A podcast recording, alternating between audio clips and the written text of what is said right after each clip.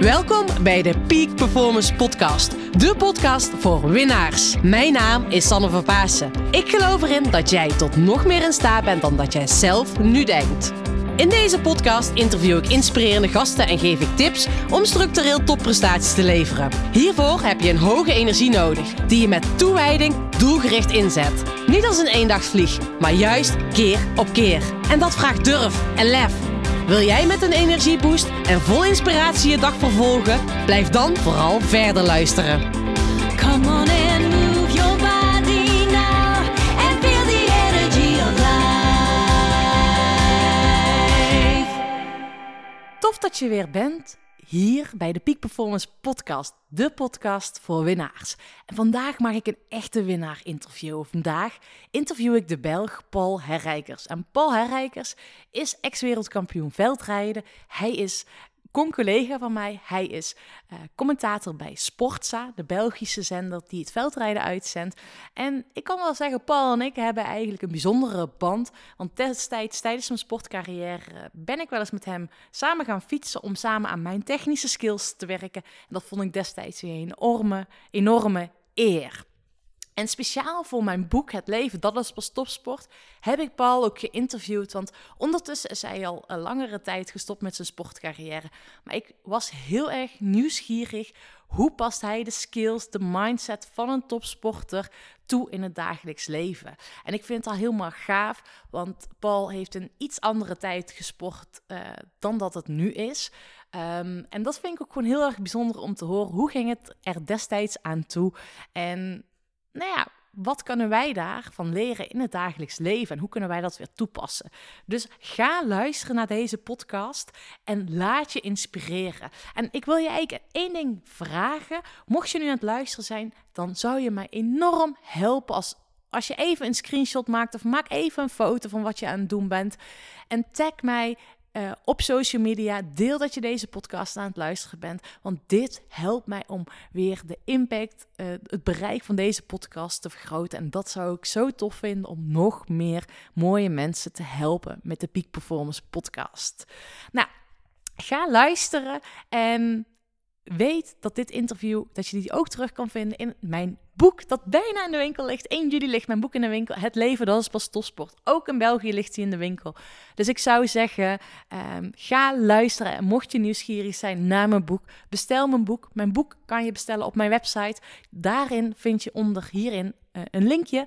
Um, maar je kan hem ook alvast bestellen op managementboek of bol.com.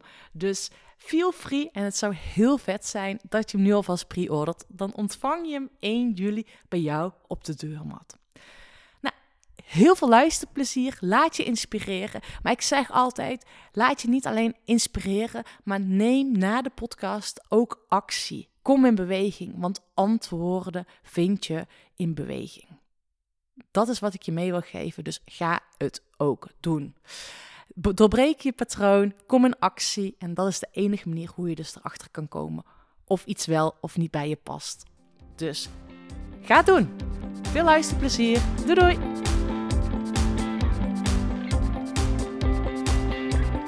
Paul, tof dat je hier vandaag aanwezig bent. En fijn dat je tijd voor mij vrij hebt gemaakt. Mm -hmm. En welkom in de Peak Performance Podcast. Ja, de podcast dat... voor winnaars, Paul.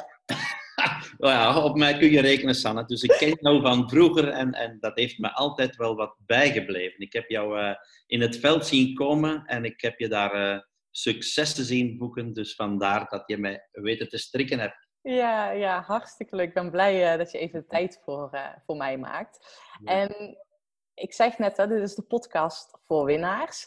Um, en Paul, als je eens even terugkijkt, wat is, als jij over jouw, nou ja, jouw carrière of jouw leven, wat is jouw grootste overwinning geweest? En misschien is het ook wel niet eens sportief gezien, want ik denk al meteen aan iets sportiefs, maar misschien denk je wel dat bij jou iets anders is geweest. Kan natuurlijk ook. Ja, ja, maar ik denk dat ik toch in die richting zit, wel, zit je wel juist. Hè. Dus het gaat over veldrijden. Dus maar, uh, ik, ik, was eigenlijk een gebuist jongetje hè, op een bepaald moment. Hè. Dus ik kreeg dat niet voor elkaar om, uh, om prof te worden. Mm -hmm. En ik had de kans gekregen, dus ik ben uh, op jeugdige leeftijd getrouwd. En dan, dan is het toch de taak om proberen je mannetje te staan en de kost te verdienen. Dus en mm -hmm. ik wou dat met het fietsen En daar ben ik eigenlijk eh, tekort geschoten. Dus ik heb tot mijn 23 mogen proberen om prof te worden. En dat is eh, radicaal eh, fout afgelopen. Dus en dan ben ik in de steenfabriek verzeild geraakt. En dan heb ik later terug een kans gekregen. Dus maar eh, van 23 tot 29 ben ik dan daar gaan werken. En mijn grootste, het grootste dat ik eigenlijk heb binnengehaald is prof worden. Uh-huh. De rest, dat weet je allemaal. Ik ben dan wereldkampioen geweest. Ik heb net als jij de wereldbeker gewonnen. Ik ben dan ook nog een paar keer kampioen van België geweest. Vijf, zes keer eh, kampioen van België mountainbike. Dus maar prof worden, dat is wel het begin van alles. Hè. Dus eh, dat is de eerste steen eh, die dat ik nog moest leggen. En dat is het grootste dat ik gedaan heb. En wanneer werd je dan prof? Op je 29ste pas? Ja, ja, ja. ja, ja. Oh, dat Nee, wist ik niet eens. Ja, ja, dat is zo. Dus ik ben veel te laat prof geworden. Maar op mijn 23e lukte het me niet. Dus en, Ja. ja, dan kwam er, iets later kwam er dan Femke al aan. Dus mijn, Uh-huh.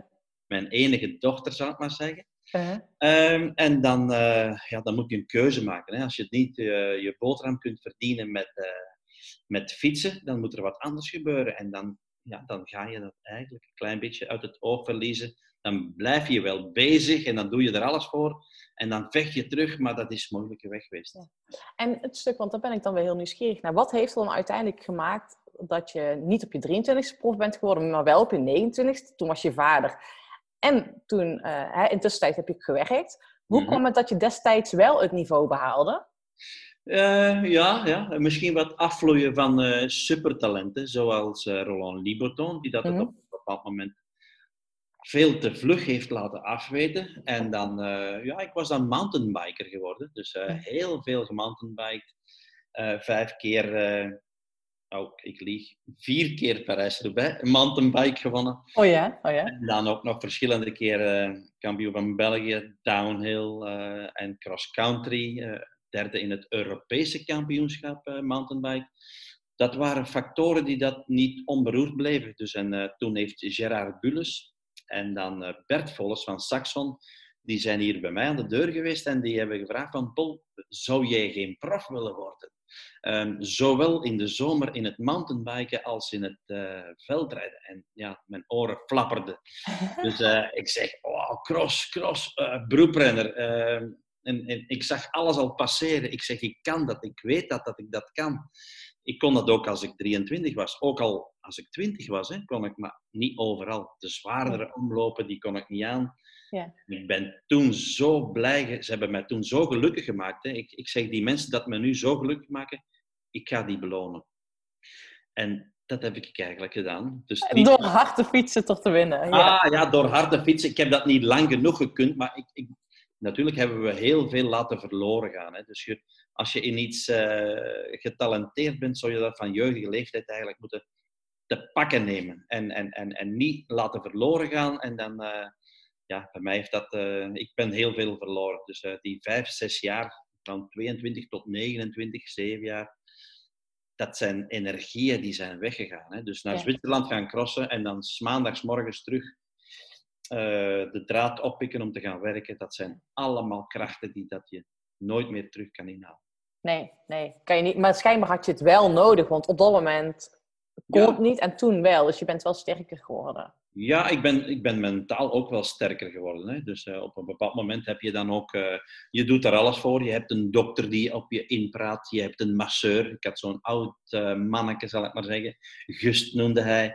Ehm, daar zat soms tien man te wachten om gemasseerd te worden. En daar vloog de avond voorbij, want dat was niet op afspraak. En toch wou ik daar heel de avond doorbrengen. Totdat die man mijn benen ging kneden.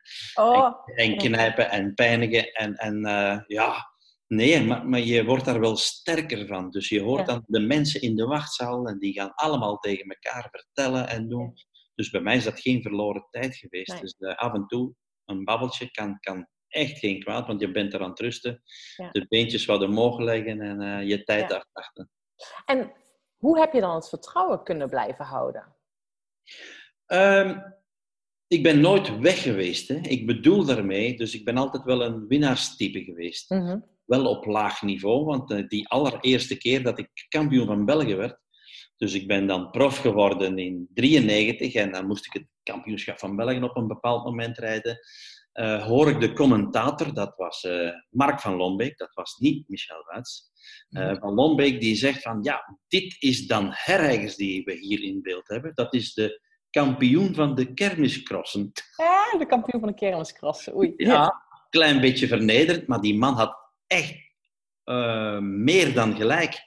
Ja. Eh, dus ik heb mij daar niet tegen verzet. Ik heb daar, mij daar niet lastig in gemaakt. Dus, maar ik heb dat altijd geweest. Als er een cross was tussen mijn 23 en mijn 29 en dat was lichtlopend, dan moest je met mij rekening houden. Hè. Zo heb ik ook in Frankrijk gewonnen.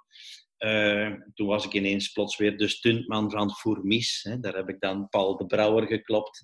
In Wetteren Paul de Brouwer geklopt. Dat was een echt volwaardige prof. En ik als amateurke, die dat van s morgens tot s avonds in de steenfabriek ging werken, eh, die kon af en toe nog proeven, de smaak proeven van een overwinning.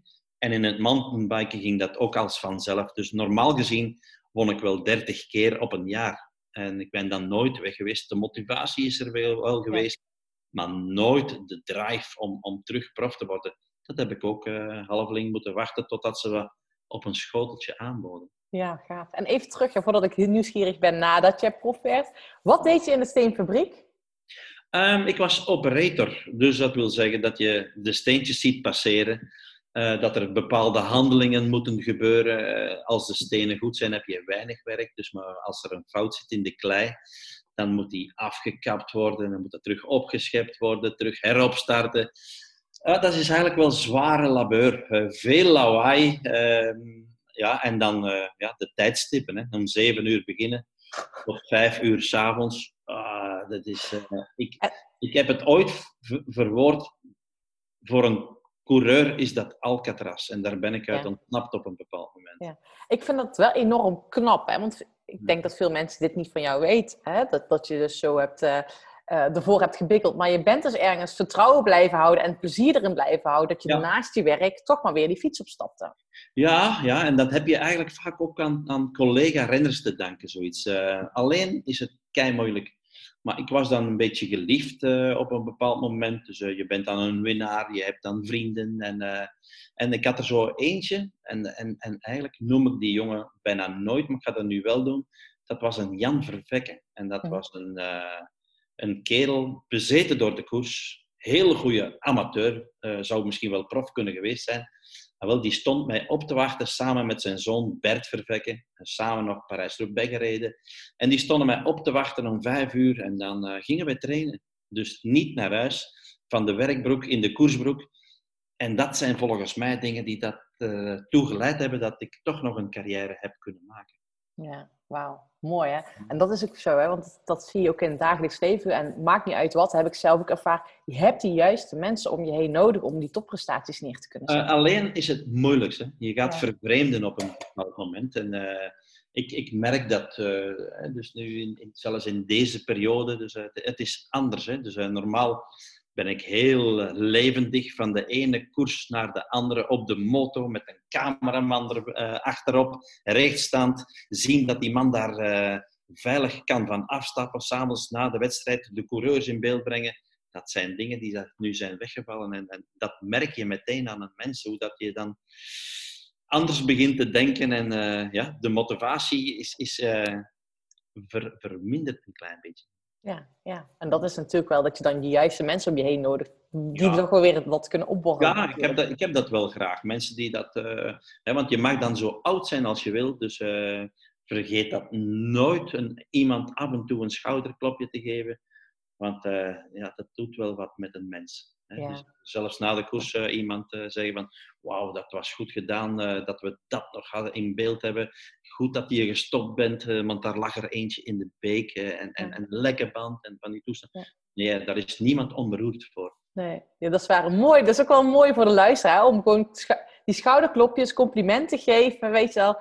Ja. Ja. wees af en toe lief voor elkaar. Want dat is natuurlijk wel gewoon belangrijk. Ja, ja, ja, natuurlijk past dat niet bij mijn personage. Hè, want ik, ik heb dan toevallig ooit een schouderklopje uitgedeeld aan Richard Groendaal. En ja, bij de, bij de meeste mensen was dat, eh, was dat foute boel. Hè. Ik bedoel daarmee eh, in, in Nederland. hebben ze dat nooit zo graag gezien, terwijl dat het maar een schouderklopje was. Hè. Dus eh, het is de, de jacht was geopend op iemand. Ik heb daar 40 minuten op gejaagd. En dan eh, in een kampioenschap heel, heel, eh, hoe moet ik zeggen, een beetje vroom die dag, denk ik. Omdat je echt zo goed, omdat ik een hele goede dag had. Zeker was. En dan durf je af en toe toch wel eens eh, laten zien wie, wie dat de man van die dag was. Maar jij gaf toen een schouderklopje letterlijk. Ja, echt. Ik In de kom- wedstrijd. In de wedstrijd. Ik kom, ik, ik kom bij Richard bij. Ik heb daar 40, 45 minuten achter gejaagd. En ik kom daarbij. En ik tik die gewoon echt zo op de schouder. In volle koers. Die camera stond er dan ook nog net op. Eh, ja, eh, ja, dat was, dat was dubbels. Hè. Dat, dat, dat heb ik achteraf moeten uitleggen. Er zijn mensen die dat echt daar gek van werden. Die zeiden van, wow, hoe durf je dat te doen? Ja, Het is gebeurd. Ik kan dat nooit, die klok meer terugdraaien. Nee, Dus dat was gewoon vandaar- automatisme. Vandaar een schouderklopje. Ja. Als ik Richard zie, pas ik daarvoor op. Dus ik doe dat niet meer bij hem. Je doet dat niet meer. maar het is inderdaad op het juiste moment. Hè. In koers, dan, als je dan een schouderklopje gaat geven, is misschien wel een beetje... eh, Ja, ja, ja, dat is, eh, ik, ik, ik herinner mij nog dat eh, Michel Buits, met mijn beste maat in de koers, waar ik alles van geleerd heb nu, hè, dus de echte co-commentator van Sporza en VRT, die zei nog in de wedstrijd, kan hij daar niet voor bestraft worden? ik heb daar nooit bij stilgestaan, maar ik denk het niet. Dus eh, Nee, nee, nee. het was een gebaar, dus ik heb daar niemand mee gehinderd. eh, nee. en het is aanvaard geweest, dus eh, ik ben daar onderuit gekomen. Je bent, ja, en je hebt er iets van geleerd. Ah, toch wel, toch wel. Ja, ja, Dus opletten, ja. opletten wanneer je dat doet. En Paul, eventjes terugkijkend, hè, want jij bent dus toen prof geworden. Ehm, En toen heeft jouw carrière, zeg maar, heb je nog super vette mooie prestaties met de cross eh, gerealiseerd. ja. Hoe lang heeft het toen geduurd voordat jouw eerste mooie overwinningen kwamen toen, nadat je prof werd op je 29ste? Ah, maar dat ging zo snel, dat kun je amper voorstellen. Want als ik nu er nog zou bij zeggen, dan verklaar je me helemaal gek. Ik, heb, ben, ik ben dus prof geworden, ik heb dat contract ondertekend, maar ik wou zekerheid. Dus ik heb mijn, mijn eigen werk nog niet opgezegd. Hè? Dus eh, ik, was van, ik was van twee walletjes aan het eten, dat moment. Dus ik ging nog werken. En ik was prof. En dan heb ik uiteindelijk eh, één maand, dus 30 dagen verlof zonder wedden genomen. Dat kon bij ons in België. Mhm. Dus, maar ik teken dan in september, maar september, oktober, november, december ben ik nog altijd gaan werken. Dus in Mhm. januari ben ik, of nee, ik ben in december ben ik thuisgebleven, zo is het. Dus september, oktober, november werken. December 30 dagen thuis om mij voor te bereiden op het eh, Belgische kampioenschap. En, en ik won dat meteen. Dus maar in september, oktober, november heb ik ook crossen gewonnen. Hè? Want dat jaar heb ik eh, negen crossen gewonnen, plus het Mhm. Belgisch kampioenschap. En dan mocht ik plots mee naar een WK. Ik had daar nog nooit naartoe geweest. Nooit. In mijn hele leven niet. Niet bij de nieuwelingen, niet bij de juniores. Niet bij de amateurs, niet bij de profs. En dan mocht ik mee naar het WK Italië Corva. Wonderbenen tot en met. Dus eh, ik ben maar één keer wereldkampioen geworden. En misschien had het in Corva kunnen lukken. Dus eh, ik weet niet wie dat er won. De Fransman eh, won daar uiteindelijk voor Kluge en Wim de Vos. Oh ja. Echt, echt. Ik, ik, ik reed zo snel, maar ik ben in de eerste ronde ben ik gevallen en er is iets geknakt in mijn Achillespees en het Ah. was, eh, was gedaan. Ah, ah. Dus, maar ik was wel kampioen van België dat jaar. Ja. Dus eh, Ja. op, op die ene maand werd ik, ja, werd ik eigenlijk profrijp kampioen van België. Ja, maar eigenlijk snap ik hier even niks van. Want jij zegt net, eh, je kon geen prof worden van je 23 of 29 ben ik maar gaan werken. Op een gegeven moment staan er twee mannen aan de voordeur en die zeggen, wil jij prof worden? Ja, Ja. jij zegt, dat is goed. In je achterhoofd zeg je tegen jezelf, maar ik blijf nog wel werken. Want stel je voor dat het geen succes wordt. Ja, Maar, maar hoe kan het dat je dan in zo'n korte tijd dat niveau zo, zo'n stap maakt? Is dat dan iets mentaal of is het fysiek? Of wat is er dan gebeurd? Of is het ja ik, vertrouwen? ik, ik, ik denk dat wel. Er moet iets ik, ik ben zo opgewekt geworden en zo blij, zo euforisch, dat ik daarvoor beginnen leven ben. Alles erop en eraan. En, eh, maar ik heb nog altijd gewacht op, die, eh, op dat ene resultaat. Mhm. Dus ik ben blijven werken.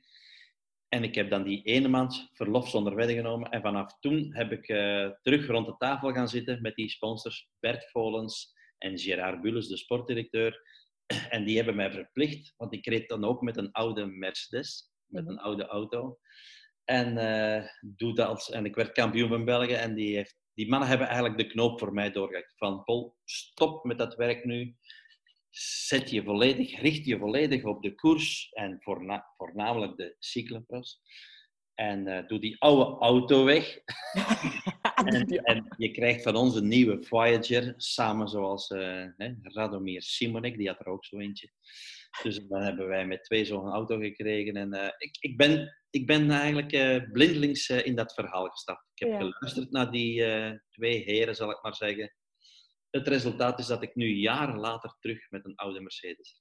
Ah! je moest hem toen wegdoen en nu denk je, ik wil die Ja, oude ja. Mercedes terug. Ik heb exact dezelfde, maar nu met, een, oh, met de oldtimer plaat erop. Met, oh, met oldtimer plaat. Dus je hebt gewoon twee auto's. Een mens verandert eigenlijk niet. Nee, Ben ik achtergekomen. daar ben ik ook achter gekomen. Dat zie ik ook bij heel veel klanten die ik begeleid. Ja, Eh, dat ze heel veel dingen doen die ze leuk vinden vanuit hun vroeger. Van, ze, ja, Ja, ja, als je jeugdig eh, als motocrosser iets gehad hebt, bijvoorbeeld, je hebt dat dan jaren niet gedaan omdat je getrouwd bent en eh, verantwoordelijkheid moet nemen, dan kan dat gebeuren dat dat terug gaat komen, dat je terug een crossmotor koopt of een Ja. baanmachine. Of, eh. Maar bij mij is dat ook zo, dus ik ben blijven steken in, eh, in, in een oude Mercedes en eh, ik rijd er nog altijd mee rond. Oh, mooi Ik heb, er ook een, ik heb er ook een andere Susanne, dus maar Ja, dat dacht ik al. Je hebt gewoon twee auto's. Eén waar je snel mee kan en één waar je mee kan toeren. ja. Maar Paul, zou dat dan op het moment dat je in één keer zo'n goed seizoen had, ook het punt zijn geweest dat je in één keer het vertrouwen kreeg van die twee man van jouw team? Ehm, dat is erbij gekomen. Maar ik heb daar straks ook aangehaald dat ik ook wel een winnaar was eigenlijk van origine. Mhm. Dat dat nooit is weg geweest. eh, dat ik enkel eh, moest wachten totdat mijn crosser aankwam, mijn omloper aankwam, mijn parcours eraan kwam. En dan, eh, dan is dat allemaal wel vanzelf tot stand gekomen. Dus ik ben altijd dat, dat winnaarstype geweest. Ja. Dus nooit in een lijn, in een curve die, waar dat je eigenlijk staat kon opmaken. Wat dat eigenlijk van een profwielrenner verwacht werd. Mhm. En die is er stilletjes aan gekomen. Dus, maar de echte grote curve is er pas gekomen van die maand dat ik ben thuisgebleven. Hè. Dus, Ja. eh, En dan heb ik gelukkig niet de fout gemaakt van, eh, van ik ben nu thuis, ik ga fanatiek trainen, ik ga eens zoveel trainen. Dat is niet gebeurd. Hè. En dan kom ik aan dat ene puntje van hoe ga ik me eigenlijk kunnen verbeteren? En dat is met rusten gebeurd. Ja. Dus ik ben, eh, ja, ik ben daar volgens mij, van wie ik het geleerd heb, het is een raadsel. Hè? Dus want niemand, ik, ik had niemand. Dus ik, ik had eigenlijk zo iemand, iemand zoals jij moeten hebben nu. Dus eh, met uw ervaring die jij nu hebt opgedaan eh, tijdens je crossleven en, en, en na je crosscarrière. Eh, maar ik deed het allemaal op, op gevoel. Maar af en toe merk ik nu nog, onbewust, je hebt de juiste keuze gemaakt. Je hebt niet, geen overdaad gedaan. En, en, en je hebt jezelf geweest en je hebt geluisterd naar je lichaam. En op die manier heb ik wel wat juiste dingen gedaan, maar wellicht ook wel heel veel fouten gemaakt. Ik vind het wel knap. Hè? Je zegt ook wel erachteraan, ook wel fouten gemaakt, maar dat je dus rust hebt genomen en hebt geluisterd Ja. naar je lichaam en dat je dat hebt aangevoeld. Want veel mensen maken gewoon, of het nou eh, op het gebied van sport is, of in het zakelijke leven, we denken heel vaak, we moeten gewoon een tandje erbij. Hè? Even doorharken, even Ja. meer trainen, dan Ja. wordt het beter. Maar jij hebt gewoon eh, uiteindelijk op dat moment dus die rust genomen. En, Ik, en- ik, eh, ik denk dat het bij mij die rust is geweest die dat mij eigenlijk die stap hoger gebracht Ja. heeft. Eh, dat latje hoger getild. Het, het is gekomen met, natuurlijk met te trainen en met tijd te nemen om naar de dokter te gaan, naar de masseur te gaan, naar de verzorger te gaan. Ja. En dan die rust in acht nemen en dan die training, dat je die eigenlijk kunt verwerken en op een bepaald moment herstellen van je training. Hè? Dus Ja. want je kunt eigenlijk niet de boog altijd gespannen houden. Nee. Dat, dat werkt. En, en iedereen gaat vroeg of laat in de fout met eh, te veel te willen en eh, Ja. te fanatiek te gaan. Eh, Ja. En dat zal bij mij ook, ook geweest zijn. ja, misschien ben ik ook wel een paar keer in de fout geweest. ja? Omdat je toch te veel bent gaan doen. Eh, ik heb heel veel gedaan tijdens eh, die periode, die zeven jaar die ik overbrugd heb als amateur. Ik, ik Mhm. kan dat niet aannemen en daar ben ik nog altijd eigenlijk van overtuigd dat ik toen zo rap reed zoals ik prof was ongeveer. Ja. Maar ik heb nooit die rust kunnen in, inschakelen. Dat moest allemaal, de- dat was gejaagd door de wind. Ja. Dus in Zwitserland gaan crossen. Heel de nacht rijden om terug thuis te geraken. S'morgens vroeg terug eh, de tikklok, klik. Ja, Eén ja. minuut voor zeven, Ja. net op tijd. Dus, eh, Ja. Ja, alles- Ja, dat is, dat is natuurlijk een hel. En dat is waarschijnlijk ook van als je, hè, als, dat je toen die rust hebt kunnen nemen, waardoor je in één keer die stap hebt kunnen maken. En ehm, ik merk dat nu bij mezelf. Hè, ik rij nog steeds. ehm, ik weet gewoon als ik nu op die fiets stap, rij ik nog steeds hard. Maar mijn training is vele malen minder. Mhm. Ehm, maar dat komt omdat ik gewoon veel meer uitgerust ben. Ja, wellicht, wellicht. Ook al kan ik dat niet merken, want ik denk dat jij heel veel bezig bent eh, met, met alles en nog wat. En, eh, maar rust, ik weet dat niet wanneer dat je dat eigenlijk helemaal gaat. eh, kun, kun jij op de bank gaan liggen met, met een boek en met de krant? En, S ochtends vroeg en s avonds laat. Ah. Ja. maar hoe, hoe zag jouw rust er dan uit? Eh, ik, ik durfde mij toch wel een keertje neerleggen. En dan, Ja? In mijn training bijvoorbeeld, dus eh, 29 jaar, dus eh, niemand had mij eigenlijk eh, getipt had, ben ik s'morgens gaan trainen. Mhm. Dat was mijn ritueel. S'morgens reed ik twee uur op de weg. En dan kwam ik aan en dan eh, een beetje eten. Hè, dus eh, dan ging ik trainen. Dat was altijd stipt. Eh, tussen de twee en de drie uur reed ik van acht uur s morgens. En dat, dat was zoals eh, je ging werken. Dus om acht uur afspraak met een collega-renner, met Arne Daalmans of met de Willemskes in der tijd. Dat waren allemaal jongens van Westmalle. Dus eh, als ze er niet waren, dan, dan vertrokken wij. Ja. Dan konden die achterna komen. Dat was Ja. En, en ik merk dat als je dat niet hebt, hè, die discipline, Ja. dat het fout loopt. Anders is dat half negen en dan wordt dat negen uur. En ik heb dat later in mijn carrière geconstateerd. En Ja. dan loopt het fout. Dan, is, Dan- gaat het echt bergaf. Dan gaat de motivatie omlaag. Ja. En dan, eh, Dan durfde ik na die training van twee, drie uur, durfde ik gemakkelijk twee uur op de bank gaan liggen. Dus en eh, zelfs mijn ogen een klein beetje dicht doen. Moet natuurlijk de kans krijgen ook. Hè? Eh, Als ze dat thuis niet aanvaarden, ze zeggen, er is nog zoveel werk in de tuin. Ja. Dat, Ja. werkt niet samen. Nee, dat is ook zo. Ik deed dat ook al toen ik deed koers hoor. Dan ging ik echt eh, middagdutjes doen. En Ja. Had ik het ook echt nodig, weet je. Lekker op die bank liggen en ehm, heerlijk. Ja, ja, ja ik, ik, normaal was ik er altijd een beetje verlegen voor, want van thuis uit mochten wij dat niet. Nee, ja. dus, eh, en, en, en misschien ehm, betreed ik nu wel een gevoelige snaar, dus mijn, ik ben eigenlijk helemaal ontploft van het moment. Dus ik had een heel lieve moeder, Mhm, een heel lieve, mhm. veel liever dan ik. Denk- eh, En, en ik had een strenge vader. Ja. En mijn moeder is eigenlijk overleden. ehm, hoe oud was ik toen? Ik dacht eh 25. Oh ja. En mijn vader is overleden toen ik eh, 28 eh, was.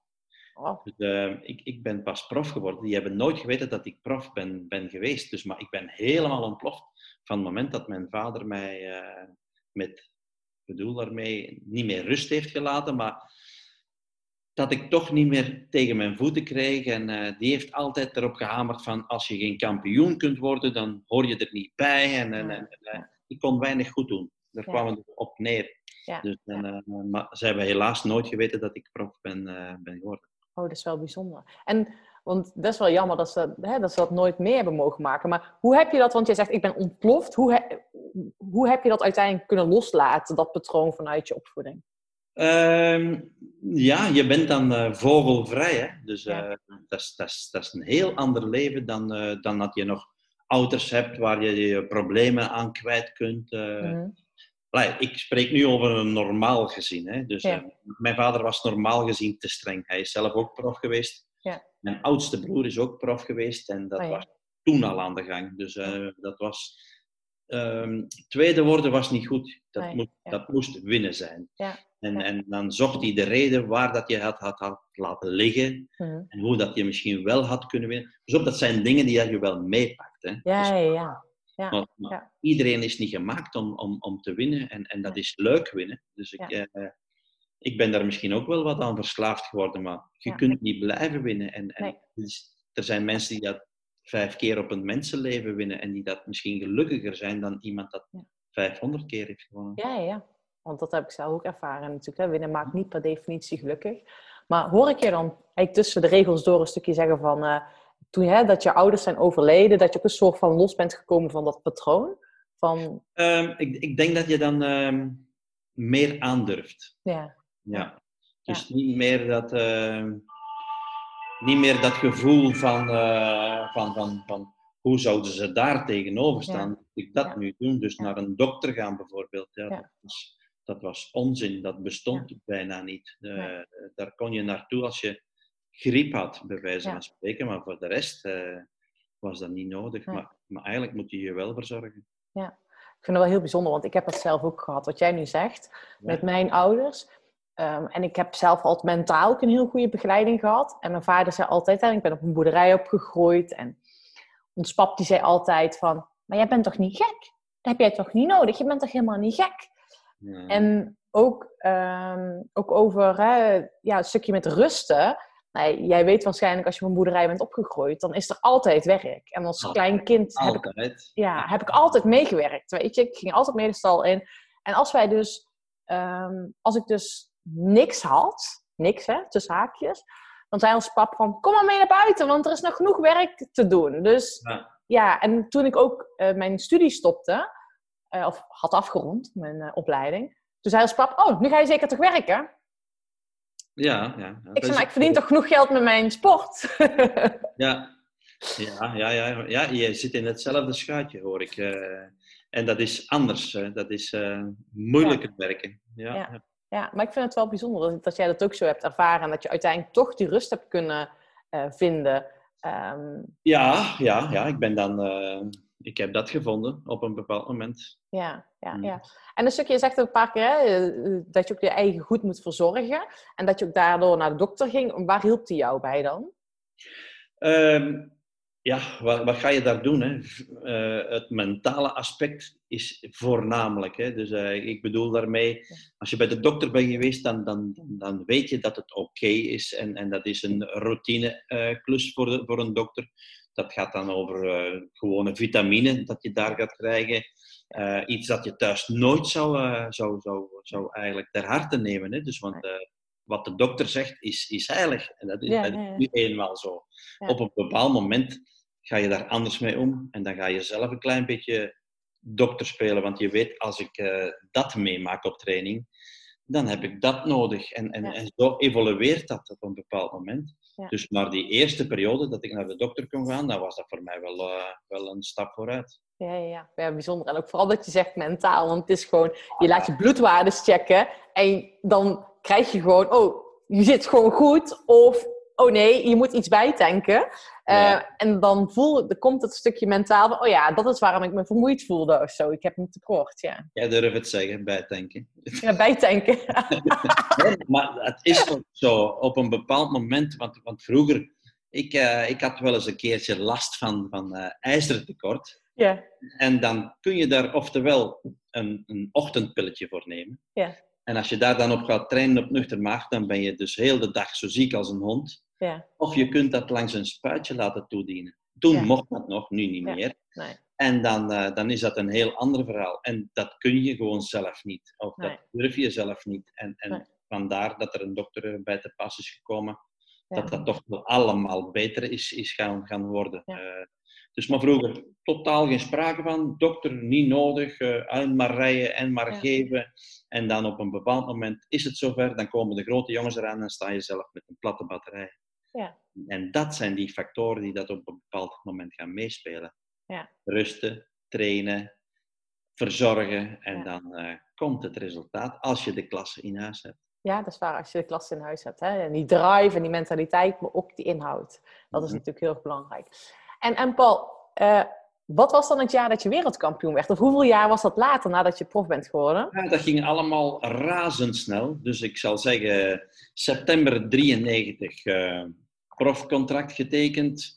Ehm, oh, het is 92. 92, hè, want eh, januari is altijd het eh, kampioenschap van België. Dus eh 92 getekend. Enkele maanden later eh, eh, begin 93 kampioen van België. Dus en dan ga je dus met die trui dus mogen gaan rijden. En dan begin je aan het seizoen eh 93, 94 en dat ging van een leien dakje. Dus eh, elke wereldbeker cross dat er bijna gereden werd, eh, scoorde ik. Eh, dat begon al eh, in Zwitserland en dan werden we... Ah, in Heerlen was er ook nog eens een wereldbeker cross. Echt? ja, ja, die won ik dan ook. En dan ga je op dat elan door. En dan werd ik eigenlijk begin 94 wereldkampioen. Begin 94. Ah, Ja. dat is gewoon, Ja, anderhalf jaar later. Een seizoen, een seizoen later. Ja. Ja, het tweede seizoen dat je prof werd. Ja. Oh, dat is bizar. En, En toen heb je... Dan Sorry? kwam, er, dan kwam er de wereldbeker dan ook nog bij. En de, de nominatie van de Kristallen Fiets, van de beste wielrenner van het jaar. En dat heb ik dan moeten afwerken tegen Johan Museeuw. Eh, die had alleen maar, maar de Amstel Gold Race gewonnen. En, eh, de crosser kreeg voorrang. Eh, ja, dat was, dat was top. Dat was top en mooi. Maar de Amsterdam Gold Race gewonnen. De Nederlandse wedstrijd natuurlijk, hè, die iedereen Ja, wil winnen. ja. Snap ik. En, en het stukje, hè, want die ene wedstrijd, hè, want ik weet niet, eh, in mijn ogen droomt bijna ieder, iedere veldrijder om wereldkampioen te worden. ja. Het is jou gelukt om wereldkampioen te worden. Ehm, maar neem ons even mee. Hoe heb je die wedstrijd ervaren? Ehm, ja, daar is wel wat aan vooraf gegaan. Hè? Dus misschien heb je in België weten ze dat eh, misschien wel, maar bij jullie misschien wat minder. Dus ehm, ik heb een keer alles op alles gezet. Dus ik wou mij niet klaarmaken voor het Belgisch kampioenschap. Dat was in Soumagne. Hè. Dus In Soumagne werd dat een zware omloop. Ik zeg, ik ga mij daar niet, aan, niet op focussen. Ik ben met één ding content. Ik wist dat ik door het zand kon rijden. Ik had drie wereldbekercrossen gewonnen. Ik had het eindklassement al eh, op zak. Ik was eigenlijk de betere van het seizoen. Dus en dan, eh, als je dan nog op een parcours mocht gaan rijden, dus in het zand van het Kokzijde, ja, dan moet je durven zeggen van ik zet alles op alles. En ik Mhm. heb dat gedaan. Dus ik heb eh, geen Belgisch kampioenschap gereden. Ik heb een ziektebriefje binnengebracht. Dat was niet nodig. Dus want ik was springlevend. Als ik had gereden, had ik negen kansen van de tien gewonnen. Dus eh, ik wou dat niet. Ik, ik wou niks tot mij nemen om te zeggen van twee keer pieken op een zeer korte periode. Eh, ik, ik wou dat absoluut vermijden. En dan heb ik eh, alles op kokzijde gezet. Dus nog wat kleine crossjes gereden. Niet te hoog gegrepen, zelfs een wereldbekercross. Ehm, niet à blok gereden, dus Ja. gewoon als training. Ik, ik durfde dat wel. Dat is knap hoor. Ja, ik durf dat wel. Ik, ik, ik, ik moedig het nog altijd aan op tv. Ja, ja, ja. Eh, mijn, mijn, mijn baas, Michel Wuits, eh, ziet dat anders. Maar ik durf nog altijd zeggen van, eh, van lekker op die manier rondkachelen. En dan eh, de dag later eh, in de grote koers, waar dat je er moet staan om het klassement voor dit of dat of het kampioenschap fris voor de dag te komen en dan uitpakken. Ja, ik vind dat. Dus je kunt geen heel jaar aan een stuk eh, de boog gespannen houden. Dus, maar voor mij was dat eh, op die manier verlopen. Dus eh, een paar offers gebracht, heel goed verzorgd. Goed gerust, zoals het al eerder besproken is. Een kampioenschap niet gereden. Dus een cadeautje aan de anderen gelaten. Ja. En dat werd mij in dank aanvaard. Want ik mocht op de eerste startrij starten. Ja. In kokzijde. Dus normaal mag dat niet. Dus eh, dat was Waarom direct- mag dat normaal niet? Nee, de kampioen van België krijgt die startpositie altijd toegewezen. En eh, daar was wat discussie omtrent, maar dat was Peter van Nabelen die dat toen eigenlijk eh, dat kampioenschap won in Soumagne. Ja. En ja, nee, ik heb dat gelijk gekregen. Dus ik was de man van het seizoen, drie wereldbeker cross gewonnen Ja. Ja. en eh, startpositie verdedigd. En maar dat, is, dat is nog best wel bijzonder, hè? Als je ehm, dus de man van het seizoen bent, omdat je dan ook nog wereldkampioen kan worden. Dat je dat dus dan met die druk omgaat en dat je dan op dat moment nog zo kan scoren.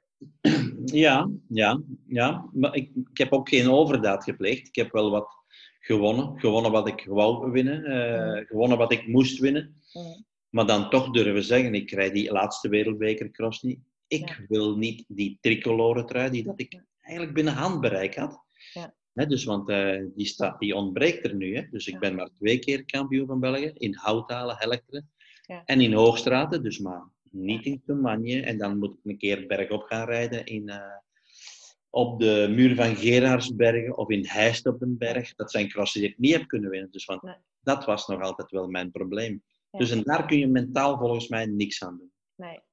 Ik heb ook een- kampioenschap verloren in Overijs. Ik werd wel tweede, op Ja. seconde van Erwin Vervekke. Ja. Maar dat blijft nog altijd voor mij een punt waar dat ik mij mee verzoend heb. Dus Ja. bergop rijden is moeilijker. Daar moet je nog meer voor eh, getalenteerd zijn of van Ja. moeder natuur wat meegekregen hebben. Ja, en dan komt ook eh, je- je technische skills zijn iets anders natuurlijk. Hè. Je komt gewoon ook gewoon je motor komt dan een stukje bij kijken. Oeh, amai. Ja. Amai, heel ik, heb, goed. ik, ik heb dat lang kunnen verdoezelen, denk ik. Ik denk dat ik zelfs crossen gewonnen heb, eh, dat ik zelfs niet in topvorm was. En dat, Ja, ja. Dat, dat je dat dan toch kunt wegcijferen met, met je talent en met je bandendruk, met je Ja. kennis op de fiets, Ja. je, je lichaam verplaatsen om, Ja. om door de modder te rijden, om door het zand te rijden. Ja, je techniek, Maar- ja. Maar bergop is dat moeilijk. Nee, daar kan je het niet meer verbloemen. Ik, eh, nee, ik herken dat heel erg, weet je. Je kan heel veel verbloemen door je techniek, maar een berg op, dan komt het op aan op je vermogen natuurlijk. En het stukje ehm, in aanloop, hè, want er was ook nog van alles met de media ehm, gebeurd in aanloop van het wereldkampioenschap. Ehm, of hè, er werd ook nog een mentaal spel gespeeld onder de renners. Hoe, Ja. hoe, hoe ging dat?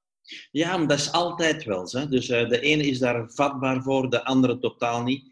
Ik moet zeggen dat ik een porseleinen kereltje ben. Dus ik, eh, als ze over mij negatief praten, dan, dan, moeten ze, dan moet ik al iemand naast me hebben om te zeggen: Paul, daar ga je je toch niet laten vangen, jongen. Dat is toch, toch eh, lachwekkend en, en op die manier. Maar dat was er niet vroeger, zo iemand. Dus je moet dat zelf zien eh, te klaren. Want eh, de mental coach die bestond eh, Nee, in de jaren negentig niet. Die moest nog geboren worden. Ja. Dus enkel de masseur en de dokter kon je daar wat raad mee. Of, of aan je vriendin of aan je vrouw. Ja. Maar voor de rest... dus de krantenkoppen die op een bepaald moment... hè, dus de week vooraf, de pers, die hebben echt niks anders te doen dan over de coureurs te schrijven. Hè? Dus, ja. Ook Ja. over de kanshebbers in het eh, wereldkampioenschap, kokzijde 94, op een bepaald moment aan de lijn. Of eh, in de krant, zal ik maar zeggen, het journaal, eh, Richard Groendaal. Hè? Ja. Dus mijn kameraad nu, maar in der tijd was dat vrij hard dat dat gespeeld werd. En dan die journalist, naam ontglipt me, die had dan toch wel het idee gevonden om aan Richard te vragen wie zijn eigenlijk de topfavorieten voor jou, Richard, eh, voor dat wereldkampioenschap. En die begon er daar wat op te sommen. Dat ging van Pontoni tot eh, Adrie van der Poel en De Bie en, en, en, en. En die journalist die wist dan ook dat Herreigers ook meereed en dat hij gemotiveerd was en dat hij alles op dat kampioenschap zou gaan zetten. Die pikte daar stilletjes op in van, wat ga je dan met Herreigers doen? Ah, daar hou ik geen rekening mee, zei Richard. Eh, die zit er al wat door. Die heeft eh, overdaad gepleegd, eh, heel veel hooi op zijn vork genomen. Nee, dus en dat prikkelde me wel een beetje zo. Dus Ja. hè, als je dan heel het seizoen mee gedomineerd hebt, drie wereldbeker crossen op rij gewonnen, nog eens een tweede in Luno er dan bij, ja, dan, dan ben je gewoon de man van het seizoen. Ja. En als je dan probeert laat neersabelen op die manier, ik heb dat niet laten gebeuren. Dus Nee. is dat schouderklopje vandaar gekomen? Ik, ik weet dat niet. Normaal niet. Ik denk dat ik heel, heel content was dat ik de benen had die dat ik moest hebben. En, Ja. ja, ik durfde dat wel. Hè. Ja. In, in hoogdagen laten zien, hier ben ik. Ja, Ja. mooi. Maar ik Dat heb mooi. dat nu niet meer, helaas. Ja, ik heb. Is dat helaas?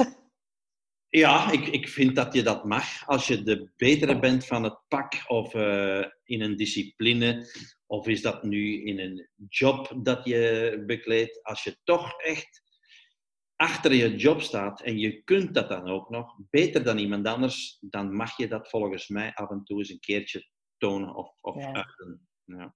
Ja, daar heb je wel gelijk. En dan mag je gewoon fier zijn op je wat je doet. Ja, Trots zijn. Ja.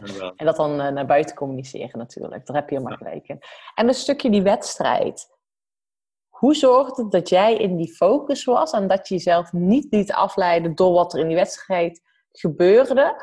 Ehm, want volgens mij lag je niet meteen in winnende positie. Hè? Dus er, is, er gebeurt van alles in de wedstrijd. Hoe zorg je ervoor dat je gewoon als eerste over die streep komt?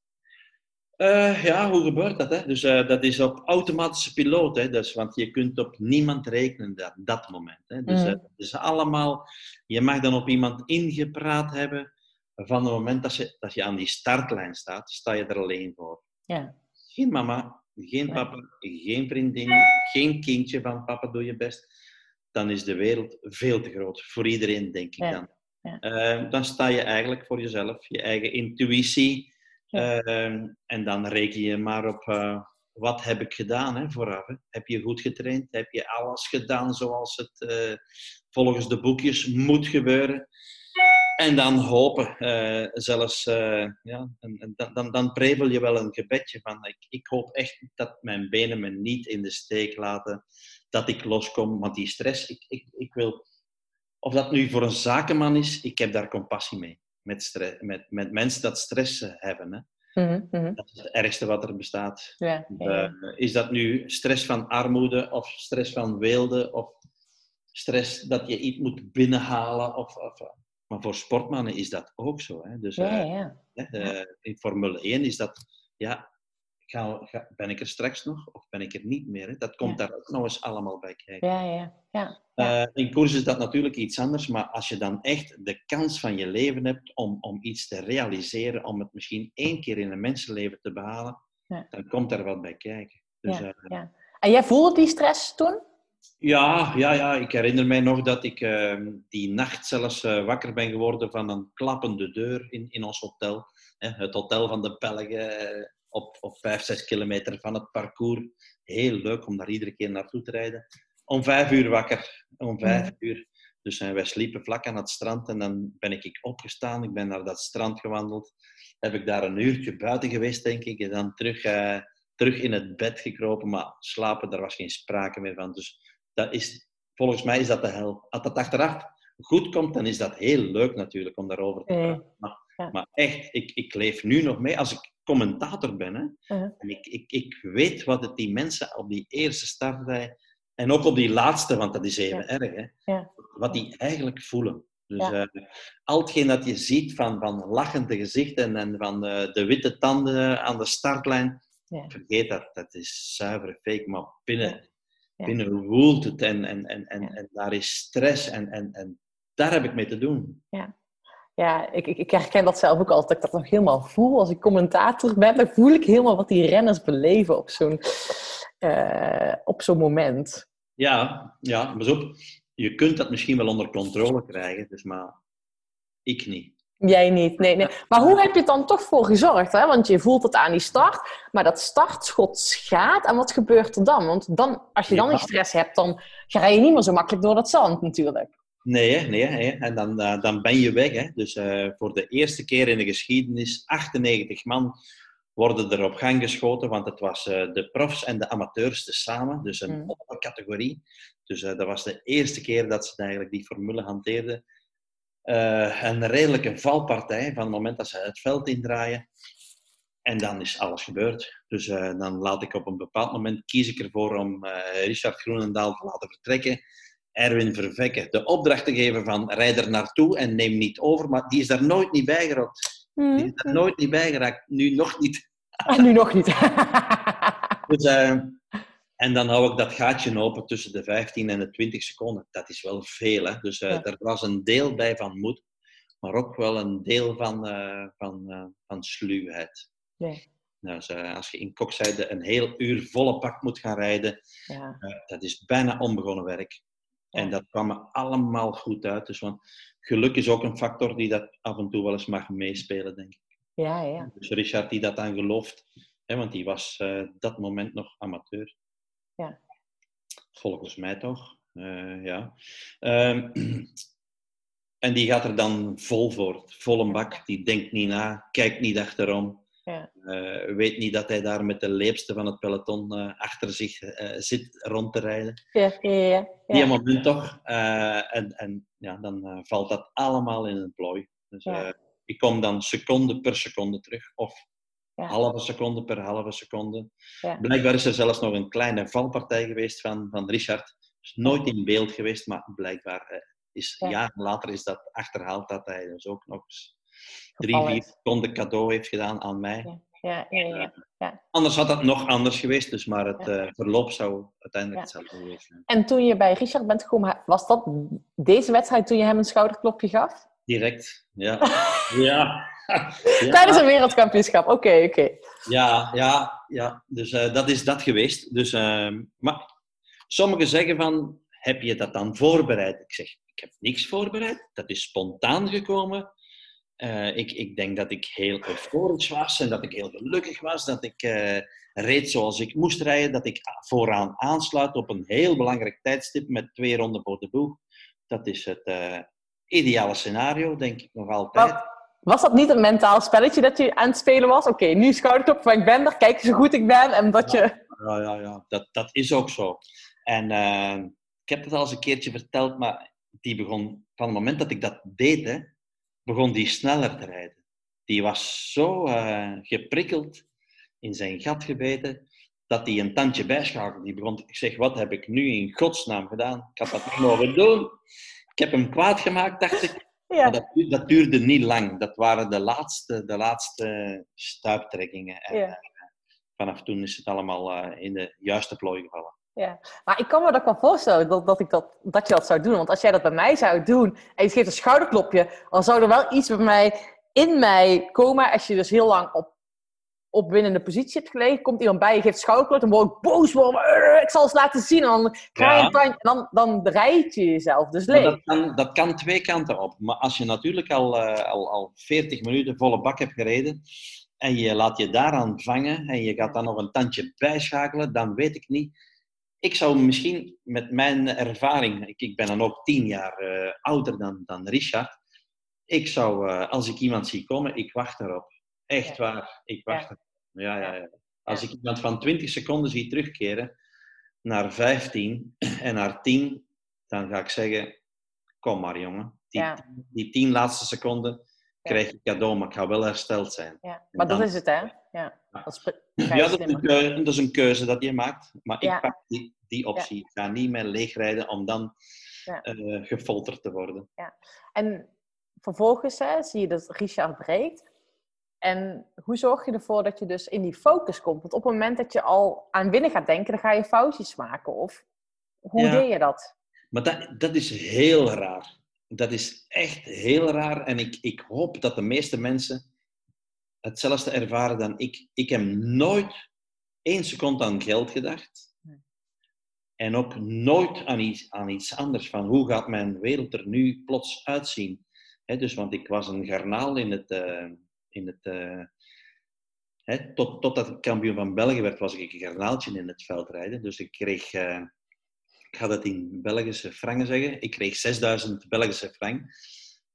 Ik weet zelfs niet hoeveel gulden dat dat... eh, Nee, ik weet ook niet hoeveel euro het is. dat moeten we gaan opzoeken. Dus plots kreeg ik 40.000. Dat is 1000 euro. Terwijl ik vroeger maar 150 euro startgeld kreeg. Oh ja. Dus dat was al een stap. Dus maar echt, ik heb nooit, nooit gedacht van, eh, van wat gaat dat mij opleveren? Eh, niet doen. Niet, niet, Nee. Volgens mij niet aan denken aan het financiële aspect. Dat, dat komt dan misschien wel als Ja. dat moet komen. Ja. Ja. daar ben ik gerust. eh, hè, want als je dan daar nog eh, met het rekenmachientje op de guidon moet gaan rijden, dat, dat, dat werkt normaal niet. Dat is een verkeerde motivatie natuurlijk om iets te realiseren. Ja, maar ik heb ik toen, ik ga dat nog vlugger meegeven, van, toen dat ik kampioen van België werd, hè, toen werkte ik nog. Dus ik was Mhm. altijd ingeschreven als loontrekkende. Kreeg ik wel eh, een, een, een aanbod om, om, eh, om 400.000 eh, Belgische frank te krijgen als ik mij liet kloppen. Dus Dat je liet kloppen. ja, ja, om de koers te verkopen, zeg maar. En Ja, ja.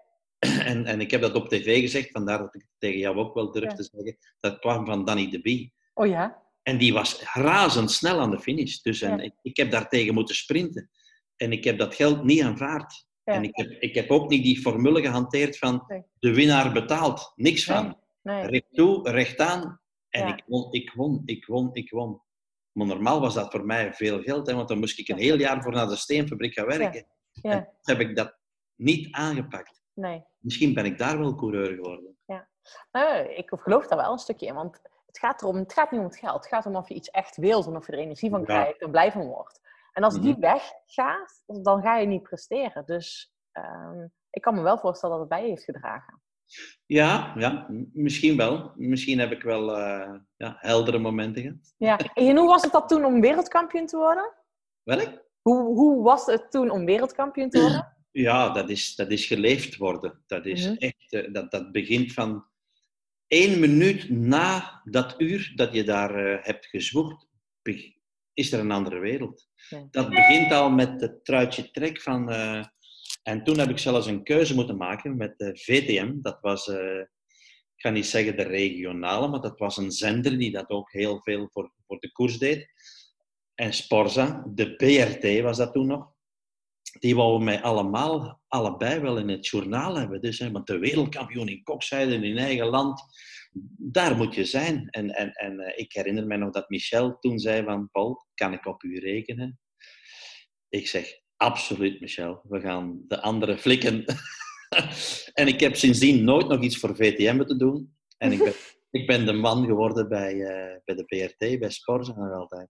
Nog altijd. Dus er was toen een tactisch moment tegen Michel te zeggen, die nu jouw collega is, om toen te zeggen, we gaan ze flikken. Ja, ja, ja, ja, dat is effectief gebeurd. En ik zat op dat podium en achter mij zat hij aan mijn eh, truitje te trekken. En ik kijk onder mijn arm en je gaat toch met ons mee? Ik zeg, jawel, Michel, we gaan ze flikken. We gaan ze- En toen was je al bezig met je stappen na je carrière. Ja, stel je maar eens voor. Dus, maar uiteindelijk is dat wel op die manier uitgedraaid. Maar Ja. het een heeft met het andere wellicht niks te maken. Nee, maar nee. het is Ja. wel leuk dat, dat, er een, eh, dat er een verhaal aan vasthangt. Ja, dat is wel heel erg leuk, ja. En nu, hè, want ehm, eh, je bent ondertussen alweer jaren gestopt. Hè? Want hoe lang is het geleden dat je je laatste wedstrijd hebt gereden? Ja, dat moet 99 geweest zijn. 99. Ja. Goh, dat is, dat is lang geleden, man. Dat is al ruim Ja, 20 jaar ja. geleden. Net voor de eeuwwisseling. Net voor de eeuwwisseling, ja. Hey Paul, als je dan terugkijkt van, ehm, hè, naar, je, naar je sportcarrière en nu in het dagelijks leven wat je nu doet. Ja. Ehm, ik ben altijd heel erg, ik maak heel erg die vergelijking ook altijd van hè, het, het leven, dat is pas topsport, dat is mijn motto. Ehm, zijn er ook nog skills en dingen die je vanuit je sportcarrière hebt geleerd, die je nu nog toepast, dat je denkt van oké, dat was zo waardevol dat ik dat toen tijdens een sport heb ge- geleerd, eh, en die ik nu nog gebruik? Ja, weinig. Ik ben, misschien ben ik de slechtste, het slechtste voorbeeld dat er momenteel. Maar ik doe alles op mijn gevoel. Hè. Ik heb dat Ja. vroeger zo geleerd en ik doe dat nu nog.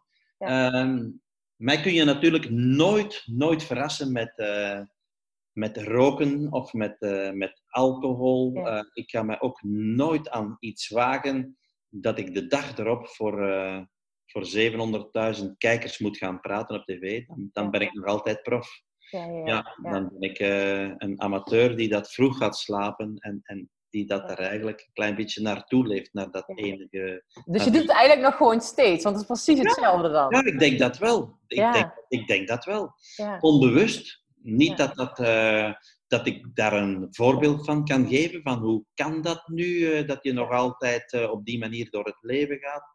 Ja. Ik ga nog altijd eh, met de kippen slapen, dus eh, na, na half elf zal ik nooit... eh, dan lig ik al lang in mijn bed. Ja, mooi is Ja. dat. Ja. Nou, dat zijn zo van die kleine dingen. Dus, en zeker als ik met de motto rijd en, en zeker als ik in de Tour de France Vive le Vélo, dan kom ik op mijn kamer, dan, dan plof ik neer en, en op één minuut slaap ik dan. Want Ja. zaterdags begint dat weer, hè, de volgende ja. etappe. Hè. Dan Ja. moet je de mensen weer gaan ophalen om, eh, om acht uur s morgens om naar de start te rijden. Drie weken aan een stuk. Ja, dat is, eh, dat is profdiscipline. Of je, je redt dat niet, je haalt dat niet. Nou, je zegt dat je een slecht voorbeeld bent, maar je bent een heel goed voorbeeld. Want je doet, je doet het alleen omdat het voor jou zo natuurlijk gaat. Hm. Eh, bij jou is dat zo automatisch, ben je er niet bewust van. Ehm, maar je zorgt dus nu nog gewoon heel goed voor jezelf. Want je weet gewoon, als je goed voor jezelf zorgt, dan kan je nu in je werk ook nog steeds... Ja, ja maar, maar, dat ene, maar dat ene, hè, dus eh, na mijn carrière, hè, ben ik Ja. eigenlijk vrij brusk eh, gestopt. En, en, en normaal wordt er verwacht dat je dan eh, toch gaat uitbollen. En ik heb dat niet gedaan. Dus en, ik, en ik fiets nog niet. Dus Nee, helemaal niet meer. nee, nee, nee, nee. En, en ik Gaan werk- wij niet meer fietsen samen, Paul? Ja, met u wil ik wel eens een keer fietsen. Maar Nee, fietsen maar ik niet? doe, dat, ik doe dat heel, heel weinig. Ik heb wel een fiets, meer dan één, want ik ben een verzamelaar. Ik denk ik er twintig heb.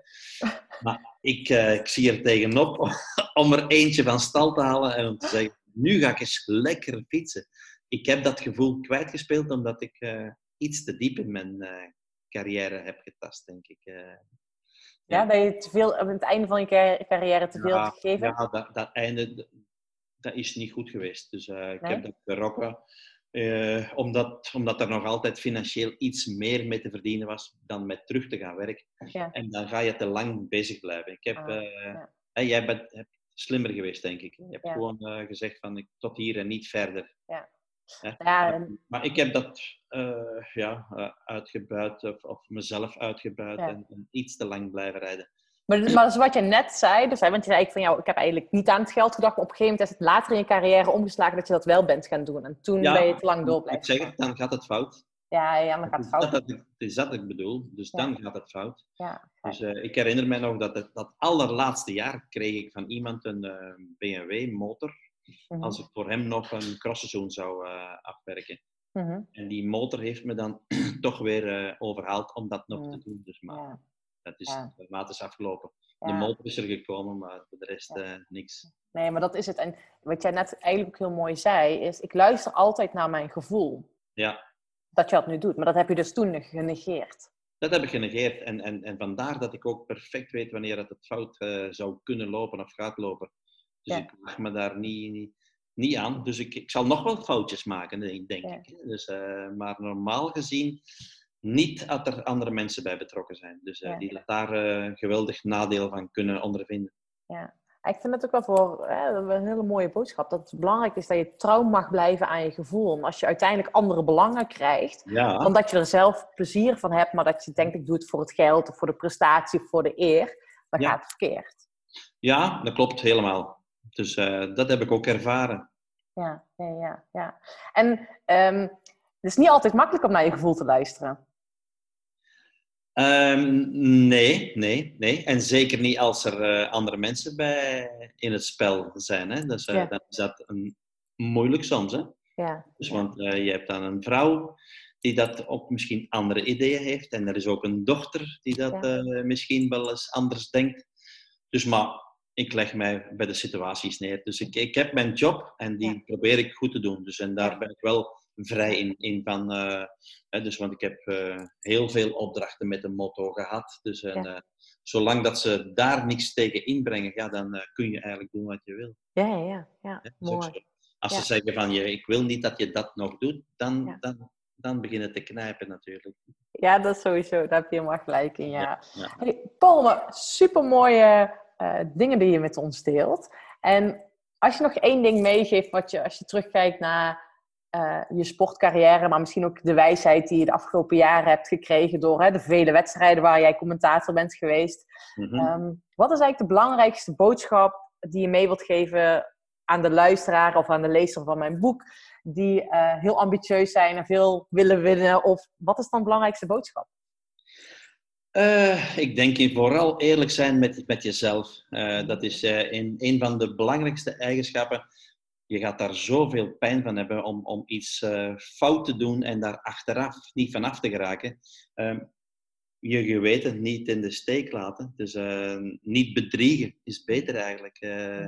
hè, dus, want dat, dat bestaat. Hè? Dus een geweten, dat, dat, dat, dat heb je in je. En sommige mensen, als je echt eh, van inborst eh, eerlijk bent of heel goed bent voor de medemens, dan moet je daar voorzichtig mee omspringen. Dus, eh, want dat komt terug, terug boven. En het is niet de bedoeling dat je je leven lang gaat boeten omdat je eens één keer een foutje hebt gemaakt. Ja.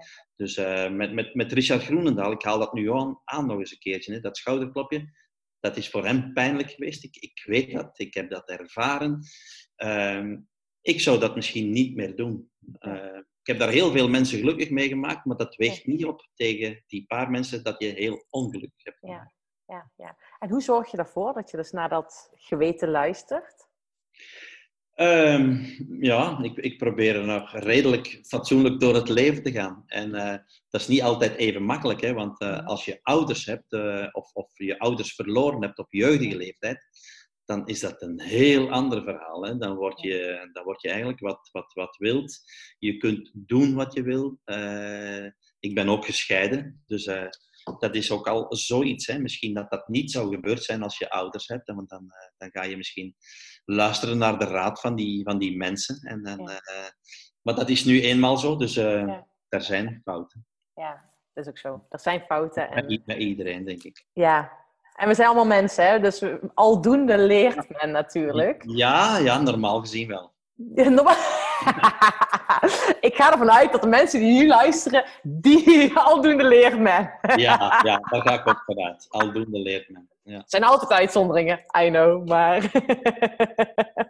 ja, hey Paul, dankjewel voor jouw tijd. Super tof dat, je, eh, ja, dat ik jou mocht interviewen. Graag gedaan. Dus eh, je bent me altijd bijgebleven. Vandaar onze, ja, onze ontmoeting hier nu. Hè?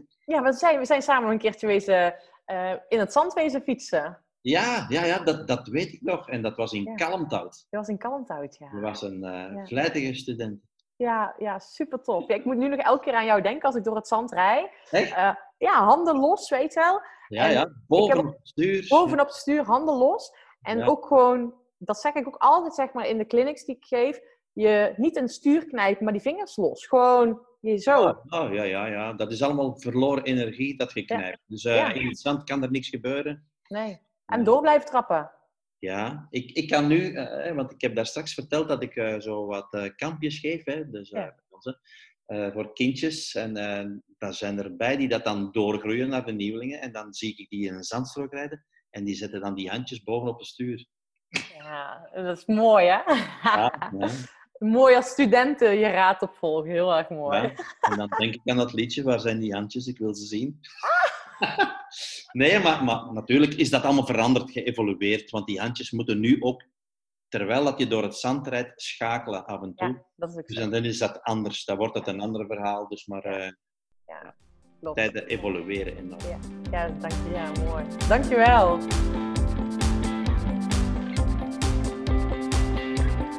Ja, dat was weer een heel mooi interview met Paul. Heel bijzonder interview dat ik hem mocht interviewen. En dat we na lange tijd, dat ik hem echt ja, al mijn vragen mocht stellen over zijn sportcarrière. Hoe hij wereldkampioen wist te worden. Hoe hij dat nu doet. En ik vind het zo bijzonder om aan Paul te merken ehm, dat het voor hem zo vanzelfsprekend is om nog steeds als topsporter te leven. En ik geloof er echt in, weet je, als je topprestaties neer wilt zetten, in welke tak van sport dan ook, het is belangrijk dat jij goed voor jezelf zorgt, dat jij voor een goede basis zorgt. En dat is het fundament waarmee je dus topprestaties kan neerzetten. Ik wil je bedanken voor het luisteren. Mocht je dit, deze podcast leuk hebben gevonden, eh, zou je me enorm helpen als je een review schrijft op iTunes. En ik weet zeker, als je dit interview met Paul interessant vindt, dan vind je waarschijnlijk ook het interview met Bobby Traxel, is de vorige podcast, interessant. En natuurlijk, ik heb een interview opgenomen met Thomas Dekker. Die vind je ook super waardevol. Nou ja, ga, scroll even door het lijstje. Ik heb natuurlijk ondertussen zoveel mooie, inspirerende gasten geïnterviewd. Thanks voor het luisteren en tot een volgende keer. Bedankt voor het luisteren van deze podcastaflevering. Ik vind het zo gaaf dat je tot het einde bent gebleven. Nou, daar wil ik je natuurlijk ook voor bedanken. Ik wil nog twee dingetjes meegeven. Ga naar mijn website toe. Daar heb ik een toffe weggever staan waarbij ik je help vol energie je doelen te realiseren. Moeiteloos, recht op de finish af en ik help je zakelijk winnen zonder privé te verliezen. Nou, ik zou zeggen, ga eventjes eh, naar mijn website en daar vind je deze gratis download. En ik help je dus echt mee om recht op de finish af te gaan. En daarnaast wil ik je vragen, want het is mijn missie om nog meer mensen, om duizenden mensen te inspireren met deze podcastshow. Dus maak even een screenshot, deel het op social media, tag mij. Ja, en ik vind het dan ook weer leuk om jouw verhalen weer te delen. Dus deel mijn inzicht, of jouw inzichten van deze podcast en dan zie ik deze ook weer voorbij komen. Dankjewel, een hele fijne middag, avond of ochtend toegewenst. En vergeet één ding niet, kom in actie, want daarmee ga je het verschil maken. Doei doei!